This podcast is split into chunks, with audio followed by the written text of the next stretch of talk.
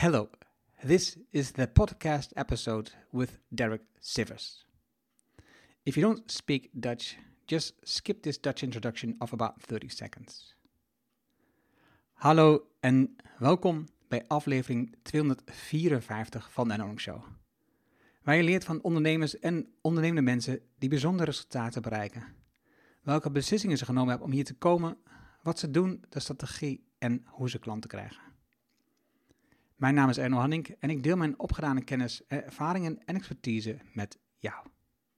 Ik coach ondernemers die kennis leveren aan bedrijven om betere beslissingen te nemen, zodat ze weer gaan doen wat ze het liefste doen, met meer resultaat en minder hard werken. Vandaag het gesprek met Derek Sivers. Derek has been a musician, producer, circus performer, entrepreneur, TED speaker, and book publisher. He started CD Baby and Host Baby long ago. His short book, audiobook, Anything You Want, tells you everything he learned while starting, growing, and selling the business.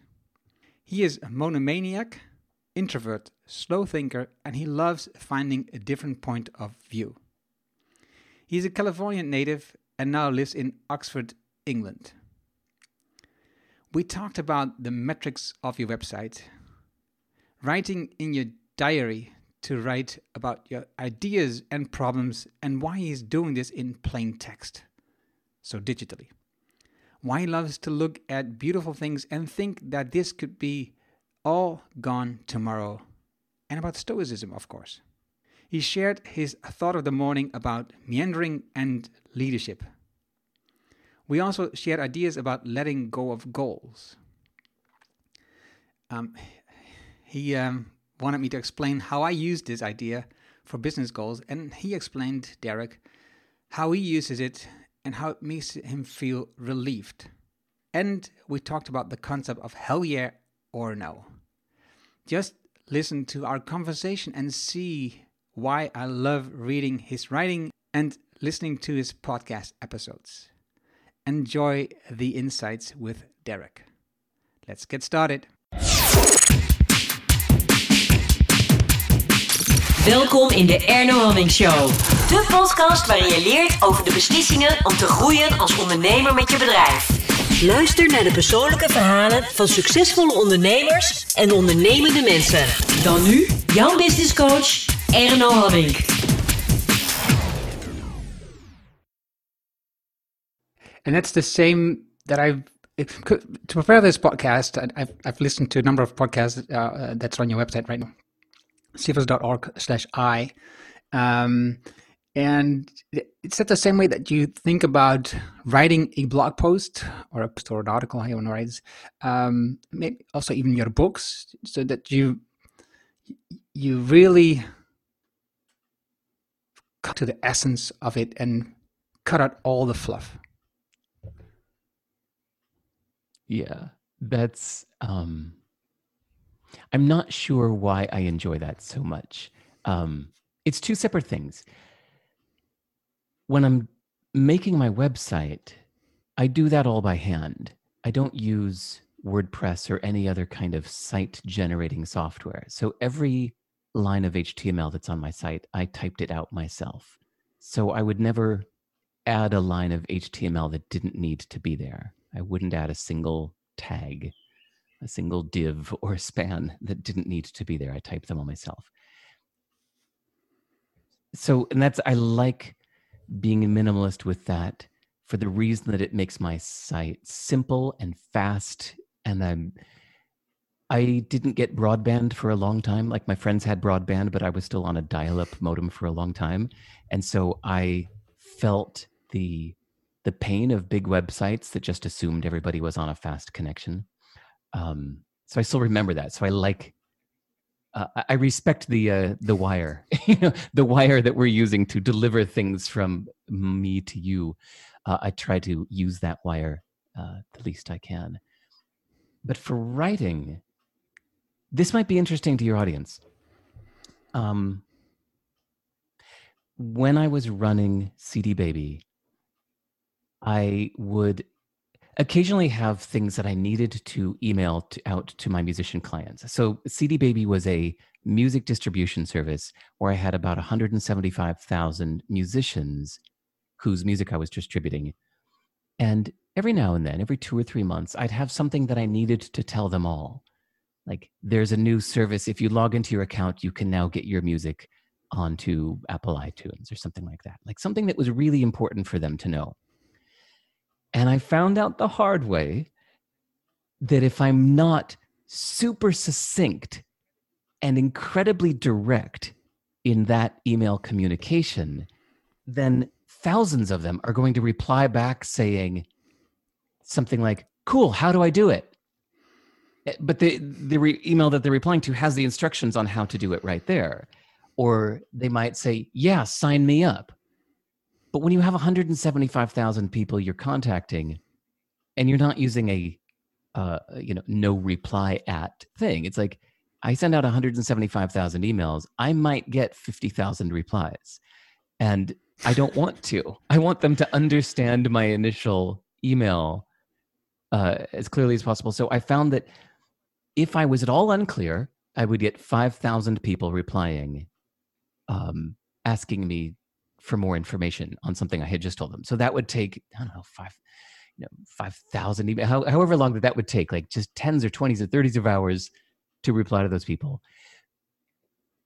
And I found that if the email was too long, even if I was as clear as could be, but I put the thing that they needed to know in the eighth sentence instead of the third sentence, then I would still get maybe 2,000 email replies saying, Cool, how do I do it?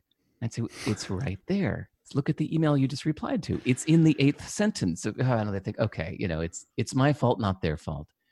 I needed to be more clear. So through all that pain of all those years and thousands and thousands of emails answered, I, I felt the pain of being unclear.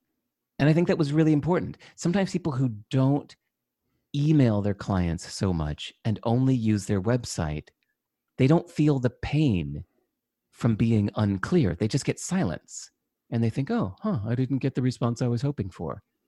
But when you're doing it by email, you hear what's on people's minds you know uh, so point is i think the reason i write so succinctly is because i want people to understand it and i figure that every unnecessary sentence reduces the chance that they'll understand what i'm saying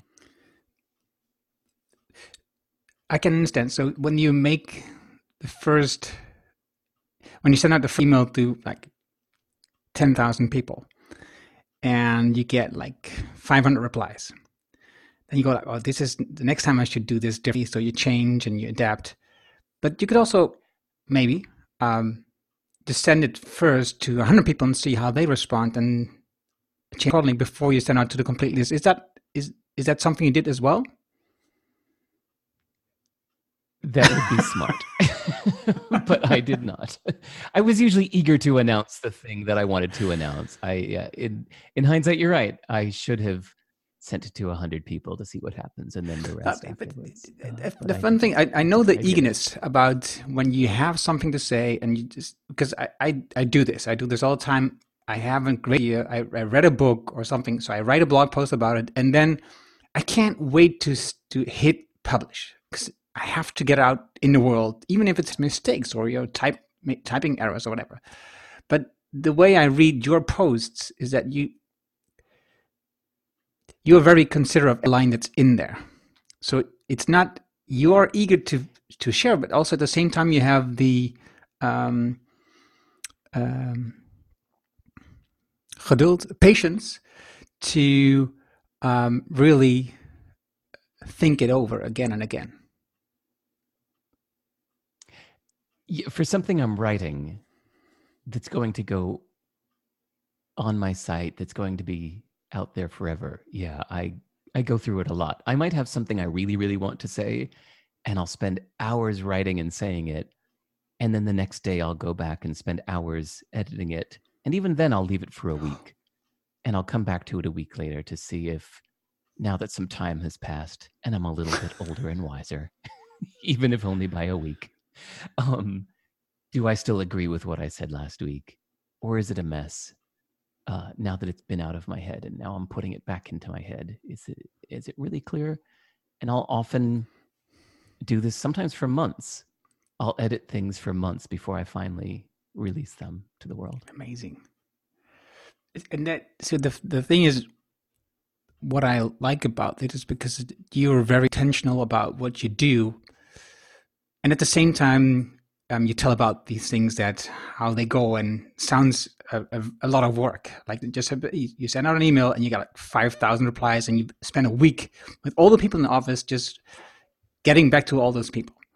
And the same thing is you announced um, you want to be on podcast shows, and then you get all these emails, and you're replying to like to 6,000 emails, I believe, or something like that. it was, That's just, and then go like, oh my God. So you spend like weeks answering all these emails. Just, how do you do that?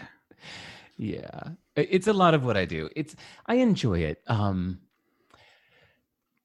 it's worth it. It's not the most fun thing I could be doing with my time, but it's also not the worst. Um, most people are pretty considerate, and I find it usually pretty interesting. Um, I think it's really cool hearing from people, especially people that are around the world, especially that are uh, not from where I'm from. You know, so I find it really interesting to get an email from uh, a guy in Kazakhstan that uh, is into foresting, forestation, or somebody from India who's running his dad's construction business and tells me about it. I think these things are really interesting and fun. So I enjoy my email inbox for meeting people like that. Um, I also enjoy the challenge when people ask me questions.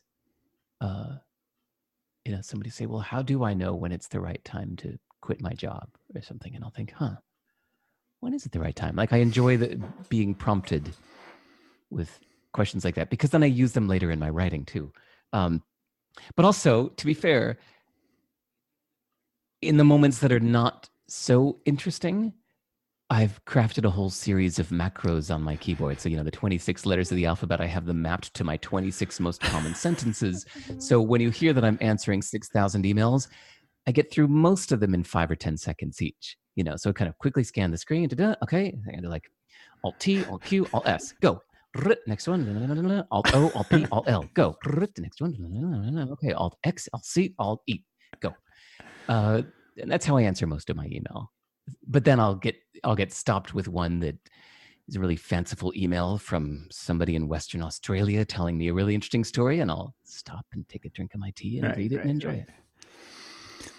Um, I, I have never um, sent out the questions on or the topics that we talk about because like now they happen in our conversation but for you i had to do this um, so that you had enough time to prepare yeah.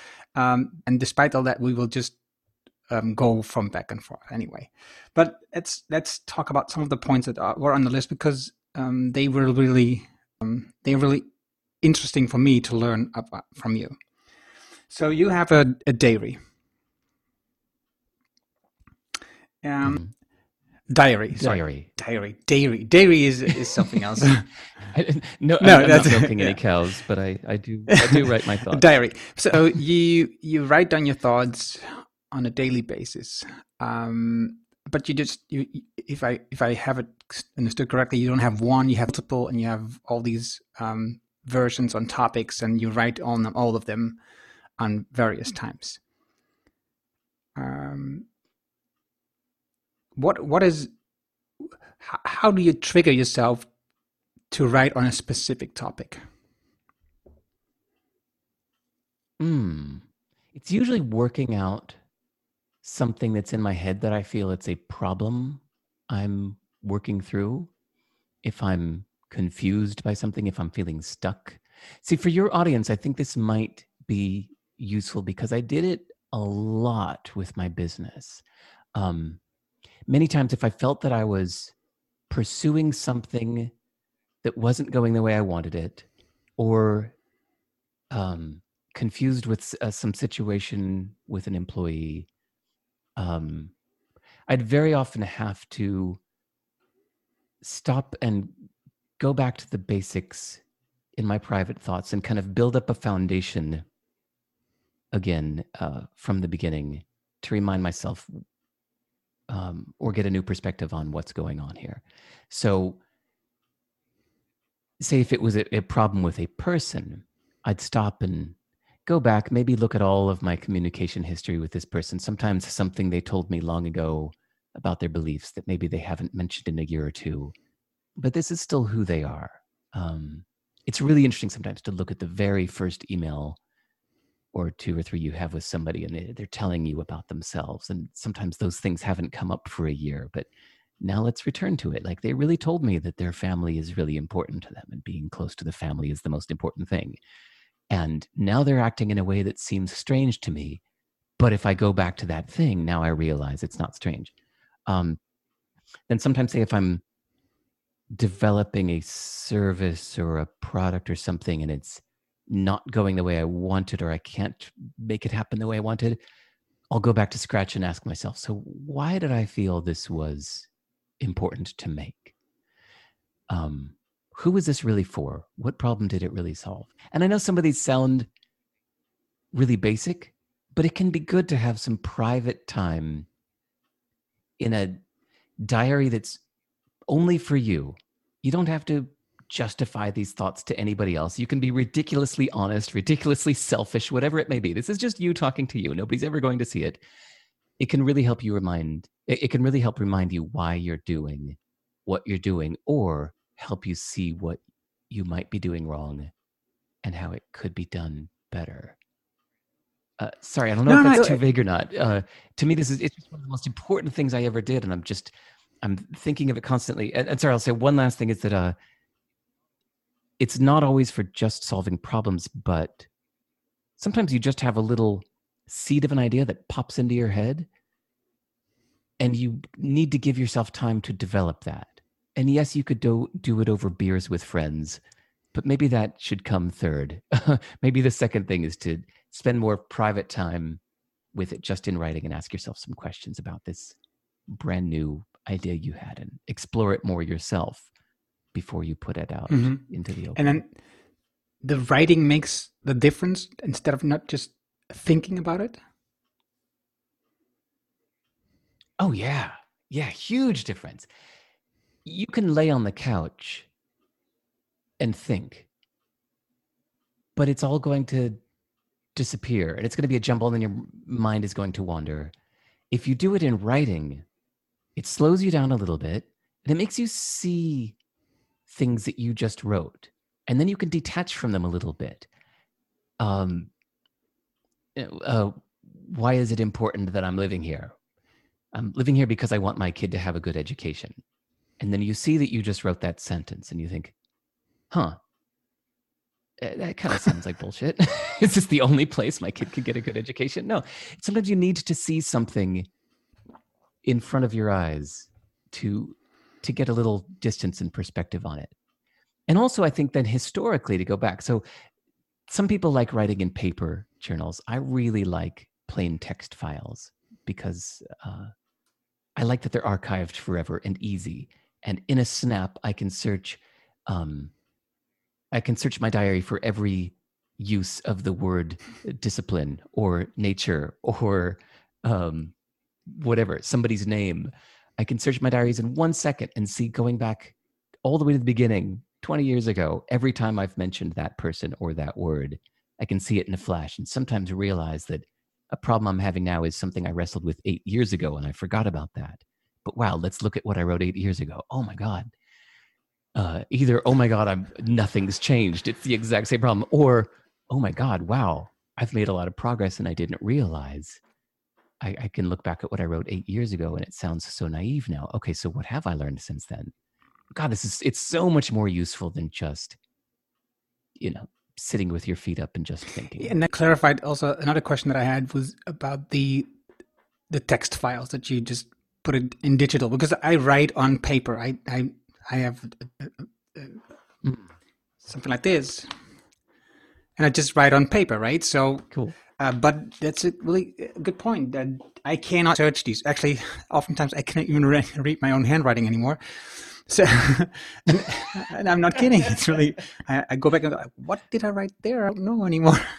so, um, I think that is it is a great idea, uh, and it, it works for you. But also the part that you mentioned is that that you can search in time how often you write about this topic or that person, and you can you can identify something that is coming back as a thing for me as a an issue that maybe if I'm talking about so often, I could maybe do something about it or change my way of doing things, right? So I like that idea. I, I, I read about it, yeah. But now you bring on these points. I go, well, that's a, that's a really good point that I I can do on my uh, my journals. well, you know, you might because a lot of people, and maybe you too, find it much more personal and useful to to sit down with a pen in hand there are some things. Uh, so a friend of mine, uh, one of my best friends, is like that too. Like she journals a lot, but only likes handwriting. But she knows the benefit of having this permanent archive, and she's kind of nomadic too, and doesn't like having to bring around a suitcase full of paper journals wherever she moves. So yeah, she's found some. You know, they're they're making these new developments in these e. I don't want to say e ink, but these things where you can actually grab a pen yeah. and handwrite, and it learns your hand it into text. On the other hand, I haven't seen your handwriting. No, I, I use that um, in my coaching sessions with my clients. I just handwrite in the document, and it just um, it translated to text. Uh, but it doesn't work all the time. So then, you, then you make corrections oh, cool. in the meantime. So then sometimes you are more busy with re- rewriting and writing stuff than listening to what the person is right. saying. And so that makes it. I, am getting used to it, but I, it's a mix of typing and writing at the same time. I think it's just laziness for me, just doing the journal. We, well, before we uh, change the subject, I had this wonderful idea five years ago. I did a long, long hike in New Zealand, like a six day long hike, where I was just completely offline. Um, it was a part of New Zealand with no cell phone reception anyway. So they tell you you might as well just leave your phones here at the uh, camp. They won't work for the next five or six days so just walked in the forest alongside a river uh, and up into mountains and back down for five days. And oh man, it was so nice. But I had lots of ideas in my head. And I thought, well, this is just a wonderful way to live to just be walking through the forest by the river. Why are we sitting at desks when we could be walking through forests by rivers? And I think, well, it's because of typing. Like we have to kind of be stationary so that we can type into our devices. I think, man, can you imagine if voice recognition gets good enough that I really could just be walking through the forest, listening to emails, replying to emails by voice, and having it turned into text, and even perhaps like writing a book just with my voice. Do you think about what tools you'd need for editing? You know, you'd be able, you just have to be able to say things like, you know, uh, record, blah blah blah blah blah. Speak your thoughts. Da da da da da. Stop. Replay. Uh, remove sentence beginning with this word. So I think that there's a software called mm-hmm. Dragon mm-hmm. Speaking Naturally that I saw does something. like this. But man, if that advances further, that could be amazing. It would take. It would be like I imagine it would be like learning a, a whole new way of doing things, right? Like somebody learning to swim for the first time, or um, something that feels really unnatural to us. It would take quite a while to adapt. But could you imagine if the way that we all write right now could be adapted to a purely speaking listening method and then we'd be free to and I, agree do all the productive but i also i also because because i listened uh, to you telling this before and and i i and i love the idea right yeah you did you did, did? You yeah you Wait, told seriously? it I didn't know I'd ever talked That's about okay. this publicly. The, the thing is, oh, the, wow. the, the, the thing is, I, I, I thought about that part because I I also started walking a lot before, but now I run. So I'm more a runner than a, than a walker now. But um, I see I see myself see you walking through the forest right for five six days, and um, there's nothing else than you walking in the forest, um, enjoying nature. Um, no um, external things that that distract you, that take your thoughts away. That, no, you're just you're just in in the walking process, in the nature process, and and then you combine it again with work, and then oh, like so this will just damage the whole experience. I do that when I'm running, right? So for me, it was I thought about the similar days. I, I run, and when I run alone, it's it's a great moment to let my thoughts go and find back creativity and think about others. Um, there's a lot of time when I run when I don't think about anything, and then in the end, new thoughts come. But what I would use this run to listen to an audiobook or to um, start writing a book by talking about it, I lose that moment um, where it's just me and the running. And I would feel the same way about um, walking. How, how do you how do you see that? Yeah, that's a really good point. Yeah. Um, have you noticed that different activities um, let your brain be more or less open? Like when I walk, I have lots of thoughts and my mind wanders. When I get on my bicycle, I have no thoughts. I could cycle for four hours and come home and not have had a single interesting thought in four hours. But if I walk for four hours, my brain is, you know, full when I come home. And it's funny how those two things can be so different. So I think running, I don't remember where running would stand for me. I do a lot of walking and cycling these days. I don't do a lot of running, but yeah. Um, sorry to answer your question though. The the idea in the forest was thinking if I were to make this my way hmm. of life, you know, if I were to actually live here and maybe not just walk uh, for this six days once a year, but what if I were to actually walk around like eight hours a day and and and integrate it into my life instead of needing to make it time out? Uh, it was just a kind of fanciful idea of like how if this could be completely integrated into life. I think I heard that the old Greek philosophers used to do all of their philosophizing and Socratic question asking while walking around Athens and up and down the hills, and they would do all of this thinking while walking. So the idea was kind of like that. Like, how would I do my best thinking while walking, but also save it and record it and maybe even write my book yeah. while walking? Yeah, no, I, I agree. Idea. And then, and, um, then you maybe could just have just walking time and then walk and writing time, right? you could just uh, make, make... right. Yeah, leave yeah. my device at home. And and I think I, the jump to the the old Greek philosophers, um, uh, Stoicism. That's that's something that I also um, I would say try to follow. That sounds that doesn't sound fair. I I I really like the idea of that. Um, you see the world as it is, and all the things that are happening um, are not happening to you or um, at you. It is just the, the one thing that you control are the way that you think about it, the way you respond to it.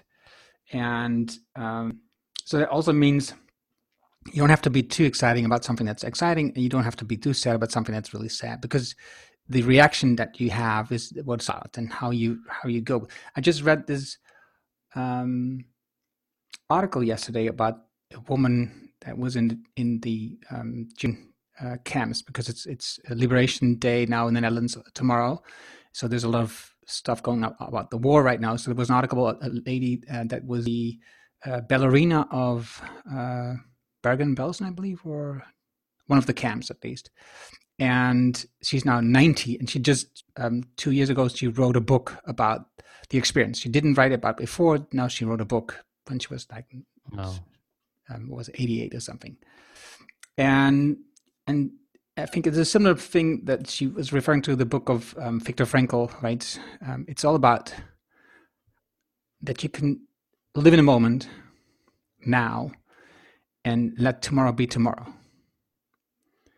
Um, so, yes, I think that the whole Stoicism has to do with the walking. So, I think walking is a really important part of life if you um, want to be creative, want to write, want to think better. There's no question there, though. Hmm. because of the because of the reflection time, the time to stop and think of what you're doing from to get away from what you're doing and look at it from another perspective. I'm not that what you sure. I think I think it has to do a lot with um, with the rhythm, with the actual rhythm of walking, and with with the being outside, okay. right? Um, sitting at your desk in a static Hmm. um, way, but just walking um, gets you energy flowing, and and and that that that gives a different um, energy in your brain. That's you know, I am not a, uh, an expert on this, but this is Mm. this is what I'm thinking. Mm, I like that. Um, it's funny. This one here, I'll, I'll tell you, you're, you're the first to hear this morning's thought. Uh, I went on a long uh, two hour walk this morning through this big field here in Oxford full of cows, but also at edge of it, it has a forest. And in this forest, there's the the outside furthest track that I usually take. But I started my walk an hour later than usual, so there were more runners than usual that I was trying to avoid. So I ended up taking a kind of cross path that I'd never taken before that kind of cut through the middle of the woods, which got me thinking on the subject of exploring and meandering. You Mhm. know that word, meandering? It's like, like yeah, like a little creek kind of meanders. Um, and I was thinking how that is the opposite of leadership. that when, if you're being a leader and you want people to follow you, you have to show this sense of direction. Like, I know where I'm going, we're going here. Um, whereas if you're just exploring and changing your mind constantly, and well, I went here, but eh, I feel like going this way, or hey, what's over there? I'm going to stop it. Oh, interesting. Look at this bumblebee. I'm going to stop and watch it for a while. Then I was thinking how that's metaphorically uh, not a good thing for leadership. That uh, changing your mind often and exploring is great for personal growth and great for learning and great for a lot of things, but not great for leadership. So I was thinking about how when people ask me if I've always been this way with all of this uh, journaling and questioning and trying to look at things from a different point of view, I realized it didn't really start until I sold my company. After I sold my company, then I started exploring a lot. And I think it felt like a relief to not be a leader, that I have nobody depending on me now. I can just completely change my mind at any time, start things, and just stop them one day if I feel like stopping them. It's really nice to have nobody depending on that. I was thinking, yeah, because I'm being the opposite of a leader right now. It's really nice. Um, anyway, that, that that was the walking Yeah. thought this morning. It, it, I think it cuts right into the topic that I'm um, working on right now. The, the the thinking process, not the topic. The thinking process I'm working right now, and it's it's it is um, what I do is business coaching with entrepreneurs. Like they, we have like a small company, like five to twenty five people, and um, I li- I love doing it. I just I just love doing it. So, but also at the same time, I love um, learning, exploring, reading, um, writing about the things that. I'm, so when you read a lot and you talk to a lot of people on the podcast and you interview and you learn and you write about that again, you get all these thoughts, the meandering. So at this and at the same time, um, people look in their business for yeah, for some kind of direction, kind of leadership. So somebody is saying to me, um, I think that you should just cut down the topics and just not go over the place because people it's very difficult to follow you. And I go like, yeah, that's maybe could be the point. And then I read your book and then I go like, oh, but um, it's also just really important and i think it's the one of the most satisfying thing to do as a human being is to to learn to to be able to improve yourself. Why not share that, right? So that's that's a a, um, a, a balance that goes up and down with me all the time. Do I do something new? Do I stick to the old one? More people will then follow that.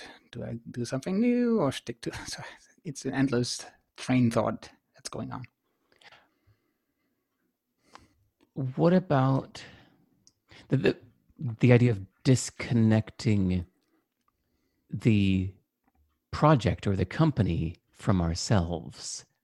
I feel like that's advice that's given often is, you know, your your company is not your life. This project is not you.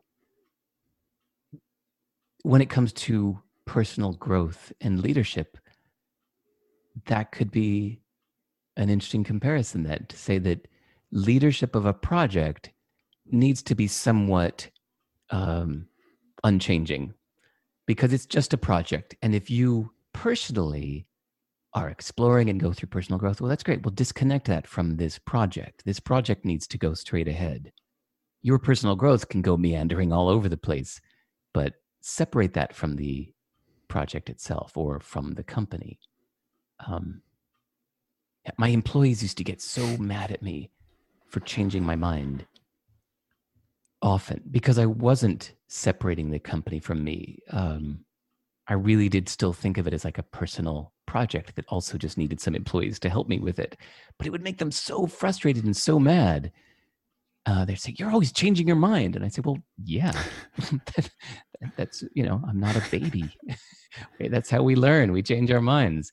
Um, but it was really frustrating for them. It made me hard to work for because I was changing my mind so often. So in hindsight, it probably would have been better if I led the company straight ahead on a unchanging path and kept my personal growth to myself or channeled it into other projects that were not this one that people were depending on. I I I, think that is a that's a good point, and at the same time, because uh, I see that the way um, you tackle on projects, right? You um, write a book and do like for 12 to 15 hours a day. And then you start programming your website and your your web shop for to sell books, and you do that for like 15 hours a day. That's the same thing you did in in CD Baby, your company, where you um, did a lot of programming to you know to the shop better, to uh, to do the processing better, and have all this stuff like um, getting all, everything into iTunes. You're you're when I read this, of course, I, I'm, I'm not next to you, but when I read this, you go head into things and, and, and dive full in. So it, it, it feels like it's very difficult to separate, separate these worlds if you head into full into your business. I, I, I think it's a great promise, but I also yeah. think it's a very difficult one to do. Yeah. Yeah. Some people have that ability. Maybe it's interesting to me because it would be so hard for me. It's so against my nature to to do that, to take something like a project or a company and and only be what it needs me to be instead of being who I uh, just feel like being. Um, maybe I think that's why I tend to dive into things so deeply now, especially it's because I'm just doing what I feel like doing. I'm not doing it for others. I'm just doing it for myself. So I could just follow my own interests and I can do something. Uh, God, two years ago, I decided to do my first mobile app. There was an idea that I thought would be really interesting. And for a month or two, it's all I did. And I got 90% done. And then that last 10% just didn't interest me so much. So I stopped doing it because I hadn't told anybody about it. Nobody was depending on it. And I thought, eh, all right, oh, that was fun. And I just walked away and did something else. And that was so wonderful that that nobody minded because nobody was depending on it. Um, uh, but yeah, it would be. It feels like it would be the right thing to do if you had people working for you and depending on you to to just lead them yeah. straight on yeah. the path without changing your mind and stopping. Yeah, the good thing for me is I'm I do this on my own, so I have nobody working for me except you know, correct my writings or uh, add a photo to a post or whatever. So that's all minor things that, that really doesn't interfere with me um, meandering about. um, yeah, but apparently it's still it's still a, um, a topic that I think about a lot right now. Um, what was what does Stoicism do mean to you, and do make your how does Stoicism make your life better? That's a good question. Sure. Um, so to be clear, I didn't know about Stoicism as a word until I was 42 years old. But it's been the way that I've been living since I was a teenager. I don't know how I picked it up or how I adopted this philosophy, but I think it's because I wanted very, very, very badly to be a successful musician. And I mm. knew that that was going to be difficult. You know, being a rock star is something that a million people may want, and only one in the million is going to get. And I wanted to be that one in the million. So I felt that I'm going to have to prepare for a difficult future. I'm going to have to over prepare uh, for this uh, difficult task. So at every step of the way, I would be intentionally hard on myself. I would, um, I would challenge myself in ways kind of like practicing, where, um, you think of a, a, a weightlifter. If somebody wants to be good at jumping high, then maybe you strap a bunch of weights onto your legs and you practice jumping even just you know a few centimeters and you keep working on it and then you're up to a 20 centimeter jump and wow eventually you get up to a, a 60 centimeter jump with weights on you and then you take the weights off and whew, wow. So i was doing versions of that in my life at all times. I was constantly and intentionally making my life harder as a form of practice for life. Um, and that involves expecting the worst, planning for the worst, uh, never planning for the best because the best doesn't need any planning.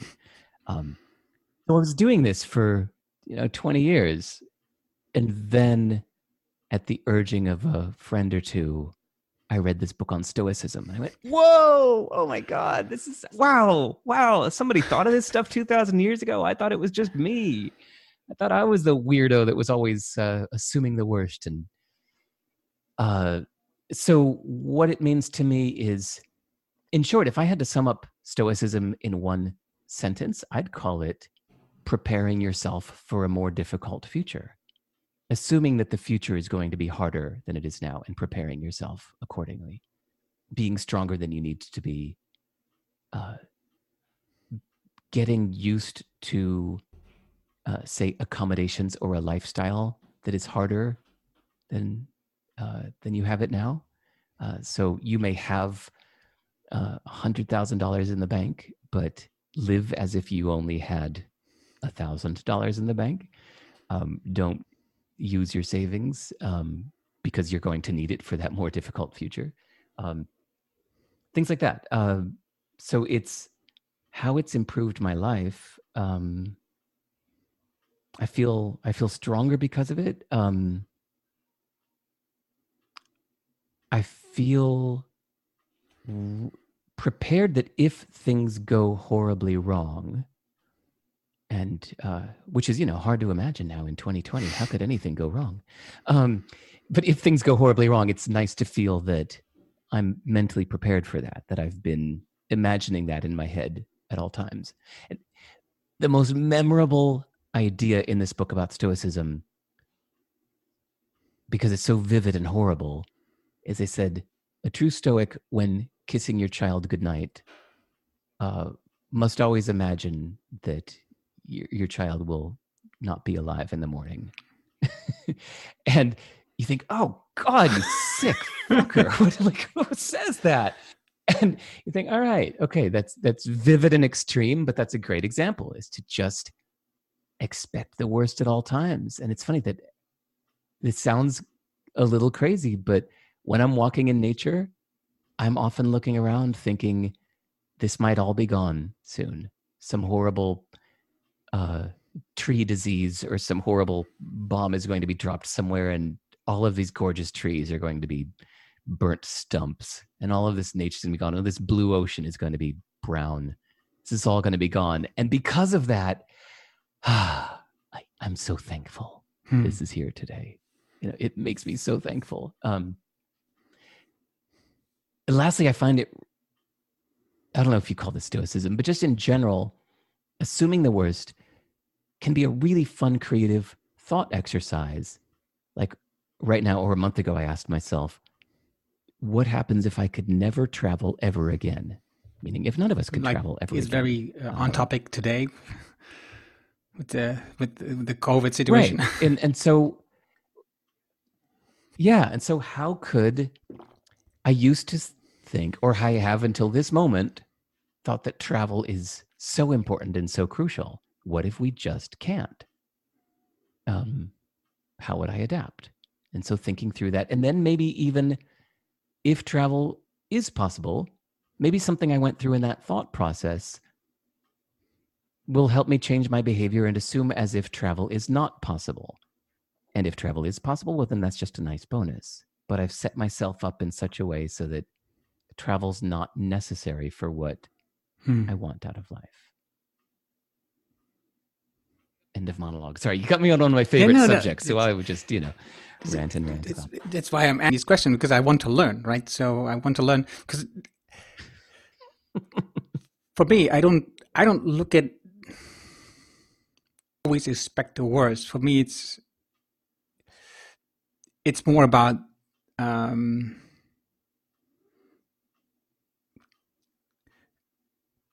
not controlling, but being aware of how you respond to things, how how you react to things. Right? So, so something is happening to you, or something is going on, you can be very upset. Um, but once I figure out this is something I can't or want to do anything about it to change it, there is not really something that I should worry about or um, think about or whatever. Be busy with my thoughts about it, because if I'm if I'm going to be busy with my thoughts about it, and I I can't or won't change anything about it, it was a waste of time. So for me, it is more like, um, okay, so the government is now doing something about the whole um, uh, coronavirus situation, and they have ideas and, and, and discussions about what the next action is going to be. There was there is not really a lot that I can do about that. I could you know I could form a protest action or whatever, but I I, I don't want to do that. I have other things that I think are more fun to do than that. So for me, right now, when they announce stuff, I just go like, okay, this is the new situation, and I have to deal with that. And and I don't go into a mode of okay, so this is a really a stupid situation. I don't want to do that, and I'm just going to be um, worried about it. So I, I I don't know how to do this. I don't know how to fix this. I don't know what to do uh, tomorrow.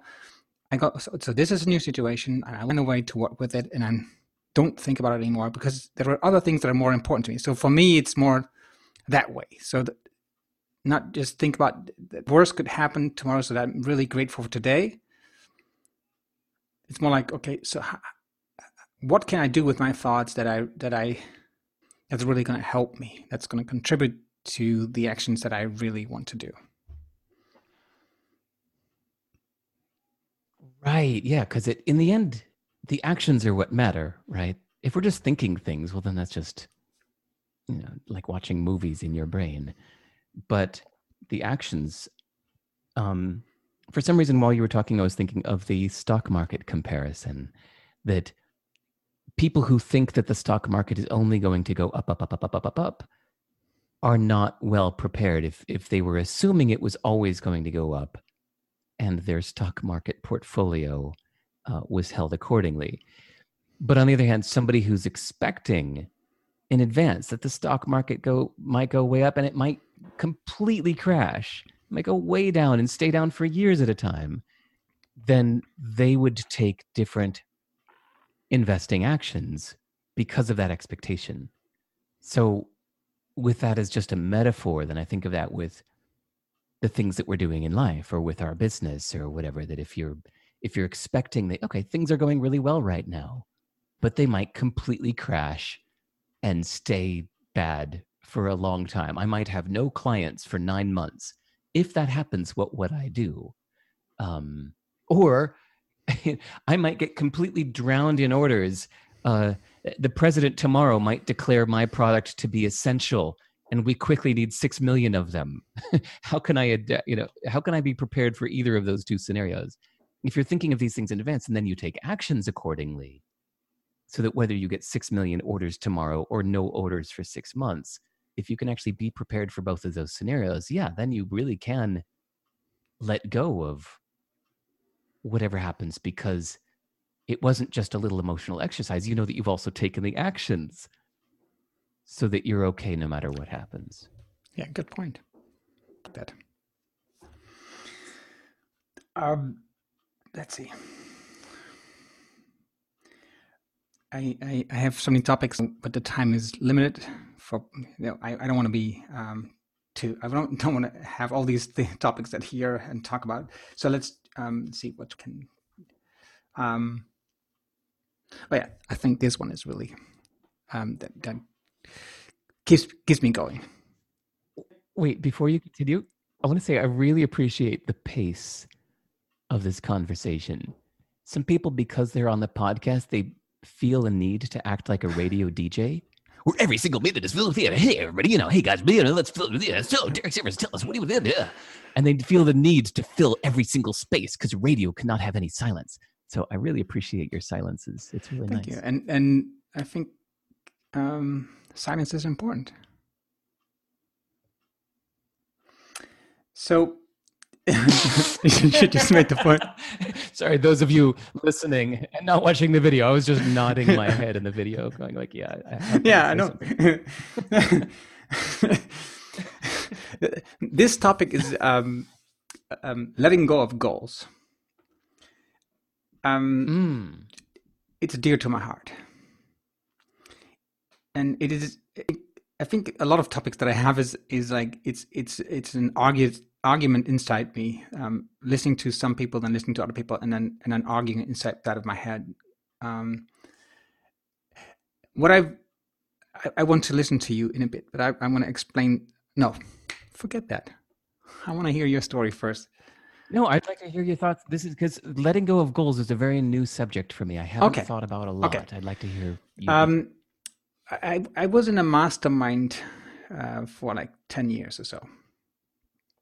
Um, eight years, sorry, eight years, with a group of entrepreneurs, uh, four and uh, people in the end with three, and every quarter uh, we would we would come together and we would discuss the topics uh, in our business, and we would ask each other tough questions about the new ideas that you have for the coming quarter or for the next half year or so, and um, what what what always happened is that we would have these um,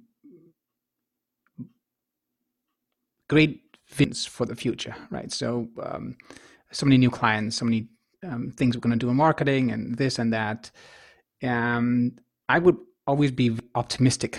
I I'm I still am. I am always very optimistic about things. So I I have these really great ideas that I gonna be really big. And when I start a um, online network, it's going to be like a thousand people on there because a thousand through fans, and then each pays a hundred dollars, and I have a great list, or and so on, so on. So and you have uh, I have uh, ten new clients, and it will be enormous. It will be really great, and next time it will be twenty.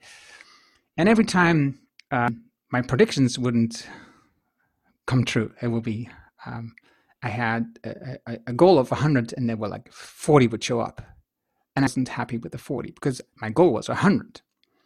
So every time I came back with the new numbers and of, of last quarter, I was kind of uh, with a stone in my stomach, um, sharing my numbers because they were not as what I was, what I promised was going to be, my thoughts. So, um, and the thing was, I was unhappy right? You you you you share your numbers you're very optimistic but then you need to share also what happened and it was not really what you suppose what you thought it was going to be. So i was unhappy. Then I thought, so why not just let go of those goals? Why not just forget about everything about those goals? Because it's just a artificial number that's um, I made up. It's it's it's no theory or something. It's just something I made up someday that's just going to happen. And so, if it was my imagination, I can also imagine something else. Um, so why not forget about the whole of goals and just do um, the best work I can do with the people I'm working with now, and hopefully they will share that with somebody else, and that will bring in a new client or a new project or whatever.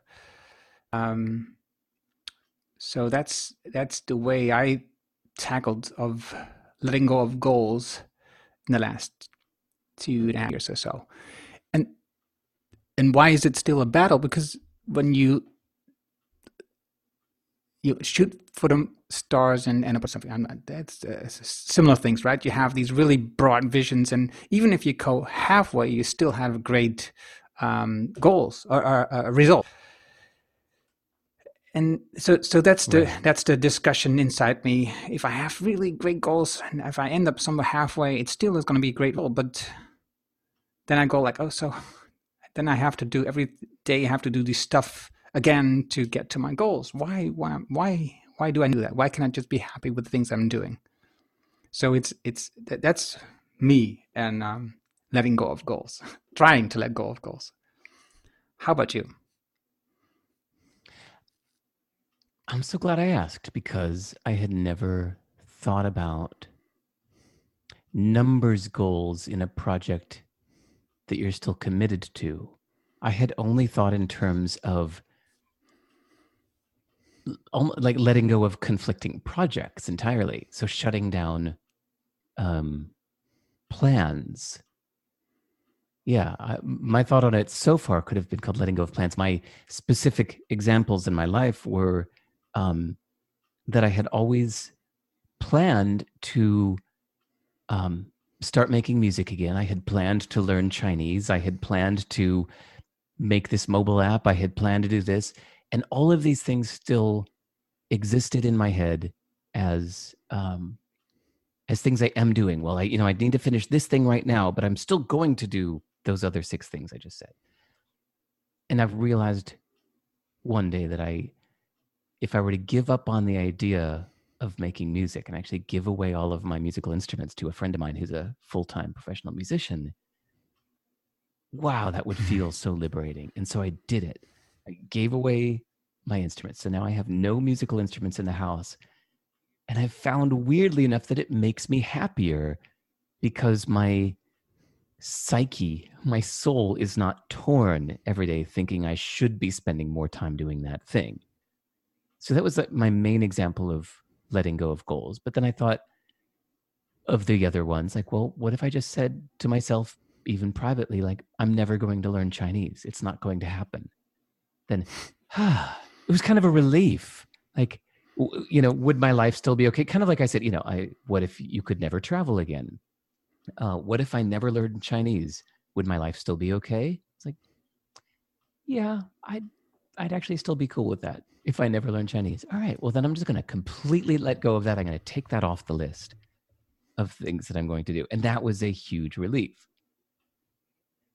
But I had never thought of this idea that you brought up of saying, for this project I'm doing, I'm expecting 100 people to sign up. And oh no, only 40 people signed up. I'm so sad. How could how would that look if instead, which is, uh, I'm going to do this thing and I have no idea whether a million people or two people or no people are going to sign up. Um, and I'm just going to do it anyway. How would that look? Like letting go of expectations? Um, yeah. Is this kind of what you mean? Like letting yeah. go of expectations for a project you're doing? Huh. Would that well, how would that change your actions? Would that improve things if you let go of expectation? Would it, yeah, would it change your actions at all? Well, yes, it does because when I um, I, I, I, take this example of uh, this online environment that I created. It was an idea from Sean D'Souza, um, also from New Zealand, and um, not also from New Zealand. he is in, he lives in New Zealand. That's why. Oh, uh, sorry, Sean D'Souza. He's a copywriter. Oh, okay. And um, cool. uh, he always talks about long walks, taking long walks, and the sheep and everything. So also, it, it, it reminded when you talk about this long walks, you remind me of, of him. And he talked about this online environment that he has, and I've been a member of that, and also um, other people that have been member of, of these. On, I, can do this. I can start an online um, um, uh, space where people can just come in, and it's like a forum, and I have these um, topics that I in there, and they can learn and read and share and ask questions, and I can answer them in that uh, in there, and um, so they have like 400 or 600 people in there. So if I have 100, that will be just great. So really, there were 40 in the end. And I shut down after, I think, a year and a half or something because 40 was not the, the, the 100. Um, and the same thing happened with uh, um, uh, the number of clients that I want ah. for my business. And what happens is if I do that, I'm thinking a lot, I'm spending a lot of my time um, thinking about things that I could do in marketing um, in sales to get to that number. And that part, that part of, of getting to more is conflicting with the time that I could spend with the actual customers that I have. So I would be worrying more about the 60 people that I don't have instead of I could be spending just a crazy amount of time with the, the four people that were in there and, and try to get them um, to disc more and talk more. So it made it better to let go of those numbers. So i could i could go not all in but like 80% in on the clients that are that are there right now. And even even despite that because right now just um, because of um, the whole corona situation a lot of clients stop working with me right now. As a business coach it's it's it's, it's it, i can understand why. So um, but i've been working very hard with the, the remaining customers that were there because i would just want to help them help them through this phase. And once this is over uh, they would be in a new level and we all would be happy. So i spend a lot more time um, with clients than i should um, than, than they paid for um, but then one still left. I was really disappointed. Um, but I can understand why. Um, so it's it's it's not always the thing, even if you spend all of your time with the clients and giving the best value. Um, if you are not clear, transparent about the things that you do for them, that was that was a new thought right. I had this weekend. Wow. That is such a great example. Thank you for telling that. That um Seth Godin is talking a lot lately about a concept he calls, I think, the minimum mm-hmm. viable mm-hmm. audience. he says for any new thing you start, um, determine what is the minimum viable audience that will make this worth doing. It will enable you to keep going. And that's yeah, the story you told just reminded me of that. Like, could I could I do this service if I had only 10 clients? Yes, I would like 100. Yes, I would like maybe 500. Could I do it if I had only 10? Would that be sustainable? And if so, then then yeah, maybe until you get 10, you do have to focus on getting to that minimum number. But after you have the minimum number, yeah, you're right. You could just focus entirely on your existing people and not um, even try so yeah. hard to grow it so much because you know you've already yeah. reached your minimum. Yeah, I like the story of, of mm. Seth because I um, I read the book um, uh, This Is Marketing. That, that, that concept is explained in the book a lot. Yeah, and I listened to a podcast w- uh, interview with him about that, and he he he mentioned this example of um, a restaurant owner. He says, as a restaurant owner, you can be busy with um, getting people in the line for the restaurant and inviting them to the restaurant and everything, or you could care about the people at table seven and make them really make for them the best night, the best experience in this restaurant, so that they will come back and bring new friends. And I like I like the day idea Yeah. so much. I think this is this is what it's all about. This is it's not about getting more. It's about uh, making for these people the best experience that they can have. Yeah. You know what that what makes me think of that a lot is when I hear entrepreneurs talking about a business they want to make or have just started and they always refer to people in terms of a crowd, you know, that they they only refer to them in terms of quantity. You know, we need to get uh, 10,000 users in. We've got this many clicks, we've got this many eyeballs. And whenever they talk like that too much, I think, you know, these are people, right? Just individuals that you can speak to um, and talk to and ask why they're using your service. You need to always remember that these are individuals that are spending their time with you. It's if you're thinking of them in terms of a crowd too much. I, I like actually thinking that there is no such thing as a crowd. like there's actually no such thing. There's just Yeah. people, um, individuals. And, I, I, I- I have a lot of things about that to say because um, uh, I wrote a book about hyper specialization, and that's all. About, it, it, I don't talk about a target audience. I talk about a target client, the one and only client that you want to work for that has one issue, and you have one solution to solve that issue. It makes it it makes it so much easier. But okay, I have one more question for you. Um, uh, a book. Okay. Actually, I'm, I'm looking forward to two books of you, right? Um, but the Hell Yeah book is um, uh, the idea that that concept idea is is has been on my mind a lot since I heard about it from you.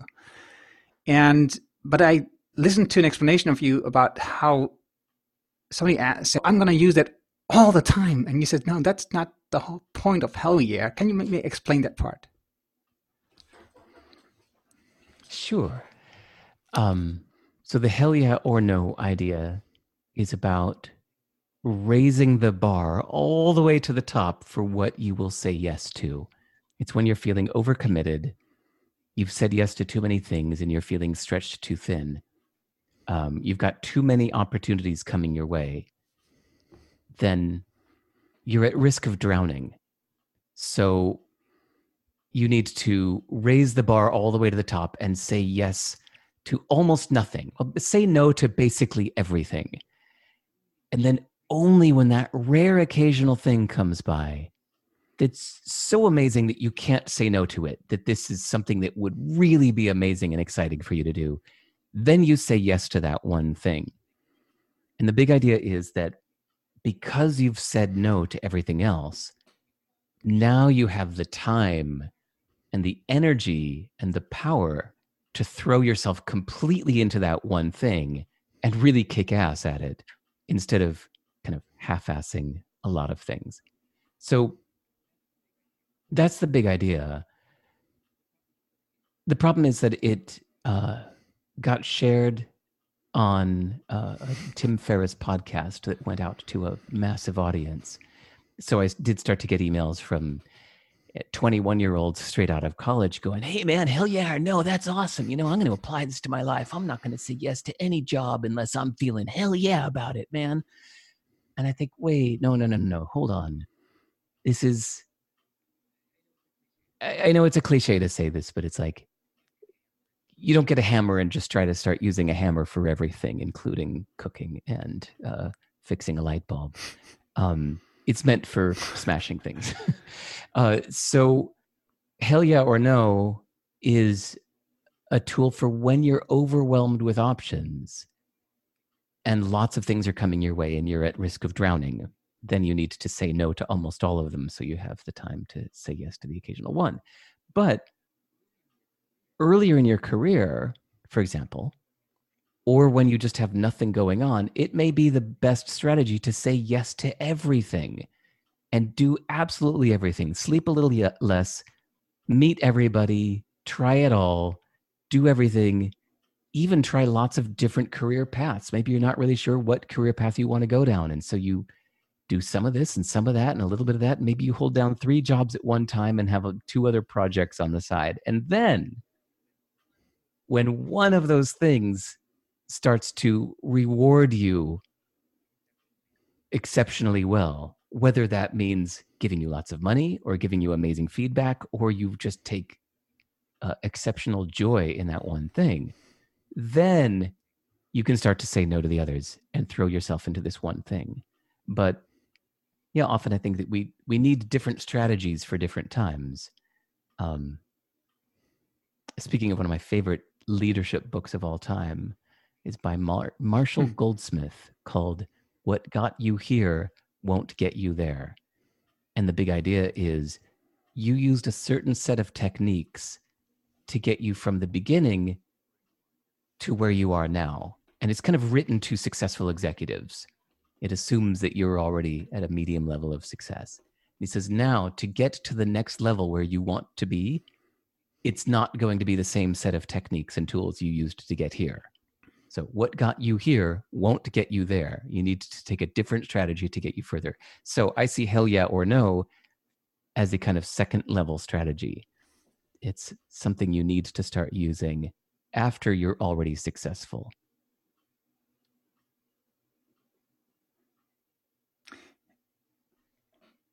Uh, after you're already successful. And successful means you're slumped, you have so much work coming at you that you need decisions. Yeah, I mean, successful can mean yeah, whatever yeah. it means to you. Uh, the reason Tim Ferriss liked the idea so much is because he's overwhelmed in people sending him stuff. And at the time, he was living in San Francisco uh, and also being a startup angel investor. And so he was drowned with people sending a business ideas his way. Like, hey man, we're doing this company's doing this, we're looking for investors. And he said that very often he would hear these business pitches and think, huh, that's a really good idea. Hmm, maybe I should invest in that because that's a really good idea. Uh, so he liked my hell yeah or no thing because it helped him uh, raise the bar higher for who he would invest in. Right. So he just like, you know, he'll hear 200 business pitches and he just says no to all of them. But wait, oh my God. Oh my God. Yes, that one. now that I've said no to 199 others, yes, this one I'm going to invest in. And in fact, I'll invest more because I said no to 199 others. Um, so that's why he found it useful and was uh, so yeah. happy to share it. Um, but yeah, for those of us that are not overwhelmed, it's um, it's to say yes to everything. Yeah, you know, it's funny because yeah, I say successful, but you could actually be successful and not hmm. be overwhelmed. Like I, I feel like that's where I'm at right now. Is I've been doing this for so long, I've just by default said no to so many things for so long that yeah, I'm not drowning. Um, so I don't need to use my own hell yeah or no technique at this stage in my life because uh, there aren't a lot of things coming my way. Yeah, and I no, mean that I in a good way. So, you know, yeah. people aren't sending crap I'm not interested in. Yeah, but then that, but I, I, you when you want to learn more about Derek Sivers as a listener, um, there's a whole story of how he got here where he is today. And there's a lot of experiments and a lot of things he said yes to in the beginning that came in his direction. Uh, that's uh, that's yep. that's a great story. Yes. Yeah. Yeah, thanks for actually it's funny. I I don't think of my past that much, but you're right. Since we're on this subject, that a lot of the best things that ever happened to me were because of some random little thing that I said yes to that everybody else said no to. You know, that I was a ringleader uh, yeah. of a circus for 10 years. It was an amazing gig and an amazing experience. And it's all because the musicians around me said no to playing guitar at a pig show in Vermont for $75. It was for an all day long gig. The musicians around me thought it wasn't worth doing. I'm the one weirdo that said yes to it. And because I said yes to that one thing, it led to so many other things. And yeah, that happened over and over again in different aspects of my life. I was the only one that said yes and that's why I got the big opportunities. Um, yeah, I like that. Yeah, I like. I like that. I like that, that so much. It was, it was such. A, I think that that whole that whole concept of just saying yes to opportunities um, is somehow lost today. To like you just mentioned, people of twenty one. Um, I see it with my own right. So it's very difficult for them to accept a job that um, they don't know if, it's the right one. And they just want to accept the right job. But you know, my gosh, you're just 20 or 23. Come on, uh, just just with it and see what happened. You know, after a year, uh, there will be yeah. another world for you. A lot of things would have will change. Your idea have changed about this job and yeah. all the things that you do. So let go of the idea of an ideal job when you're in your 20s. It's that's just. I'm 52 now, and I'm I'm sometimes I'm wondering why it took me so long to find the thing that I really love doing. And not just that, I think it's also that people love me doing, right? So that when I when I go to clients, they are happy that I come and they are happy when when I go away again because they've learned some stuff or they made new decisions or they changed some ideas that they had before and they go like, yeah, this this is might be a good way to look at it as well, not just my vision so when they are happy, I'm happy, and, and that's a feeling that I've been missing for so long. And I go like, why did it take so long? Because you have to experience all the other stuff that's going on to to get all these ideas and to find your way and to accept where things are going. So I like that story um, from you a lot. Is is there anything that you want to say, Derek? Now, in in, in ending this. uh, no, this has been a really fun, unique conversation. Again, I really appreciate the the pace and the silence, and uh, it felt like uh, more of a real conversation instead of a. I'm not a radio guy. it's it's me. It's it's all about um, trying to learn from you where and how do you make decisions? And, and I, I understand obviously these these are decisions for you based upon your experiences and your life. But then again maybe I can do something with it. Maybe i can you know learn something and use a nugget from it and see how it fits into my puzzle.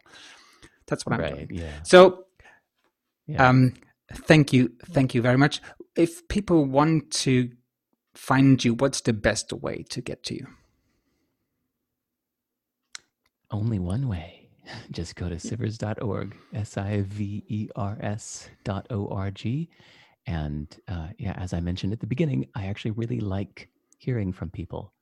And in fact, like I really like Dutch people. like a lot of my good friends are Dutch, and every time I went there, it always felt like, God, I wish I could live here. This is a like I just like the culture of the place, and I like the Dutch people I've met. So, uh, yeah, any Dutchies, send me an email. I like you. and I would say just um, get into his private email list, as he calls it, in, on his website. Um, you'll learn about his latest posts, his latest podcasts, his latest ideas. Um, probably you will learn about his new books that are coming out um, someday. and uh, because you know they've been waiting uh, for like 2018 or something. That's okay. Um, I I'm Sorry, I can wait. Uh, that's no, that's okay. I, I just your um your your your your your book uh, three times. That's okay. Um, um, thank you very much, Derek. Thanks. Dat was het gave gesprek met Derek. Je vindt de namen en links die we noemden in het artikel dat bij deze uitzending hoort. Ga daarvoor naar ernohanning.nl slash show 254. Wil je vanzelf automatisch de volgende afleveringen op jouw telefoon krijgen, zulke gave afleveringen als deze? Dat kan vanzelf. Heb je een iPhone, er zit er standaard de Apple Podcast app op. Die open je, zoek de Ernang Show, klik op abonneer en vanaf dat moment krijg je hem vanzelf op je telefoon. Heb je een Android-telefoon? Simpel, installeer dan eerst de Player FM podcast app bijvoorbeeld. Zoek de Ernang Show op en klik op abonneer. Heb je vragen, opmerkingen, reacties over deze aflevering met Dirk of over de podcast in het algemeen? Stuur mij dan een e-mail op podcast.ernohanning.nl. Ik hoor super graag van jou. Leer hoe je meer resultaat uit jezelf en je bedrijf haalt met betere gewoontes, zodat je meer ruimte krijgt om weer te doen wat jij het allerleukste vindt. Wil je weten hoe je focus krijgt op het allerbelangrijkste wat jij te doen hebt, zodat jij weer gaat ondernemen? Vraag dan het gratis boek Betere Beslissingen met betere gewoontes aan op ernorning.nl. Dit is mijn nieuwste boek en je downloadt het helemaal gratis. Je hebt zelfs geen e-mailadres nodig. Wil je de papieren versie van het boek? Dat kan ook. Je betaalt dan alleen de verzendkosten. Mijn nieuwste boek. Vraag je daarom nu aan op ernorning.nl. Je leest het in één avond uit. Dankjewel voor het luisteren en graag tot de volgende. Dankjewel voor het luisteren naar de Erno Hanning Show op ernohanning.nl.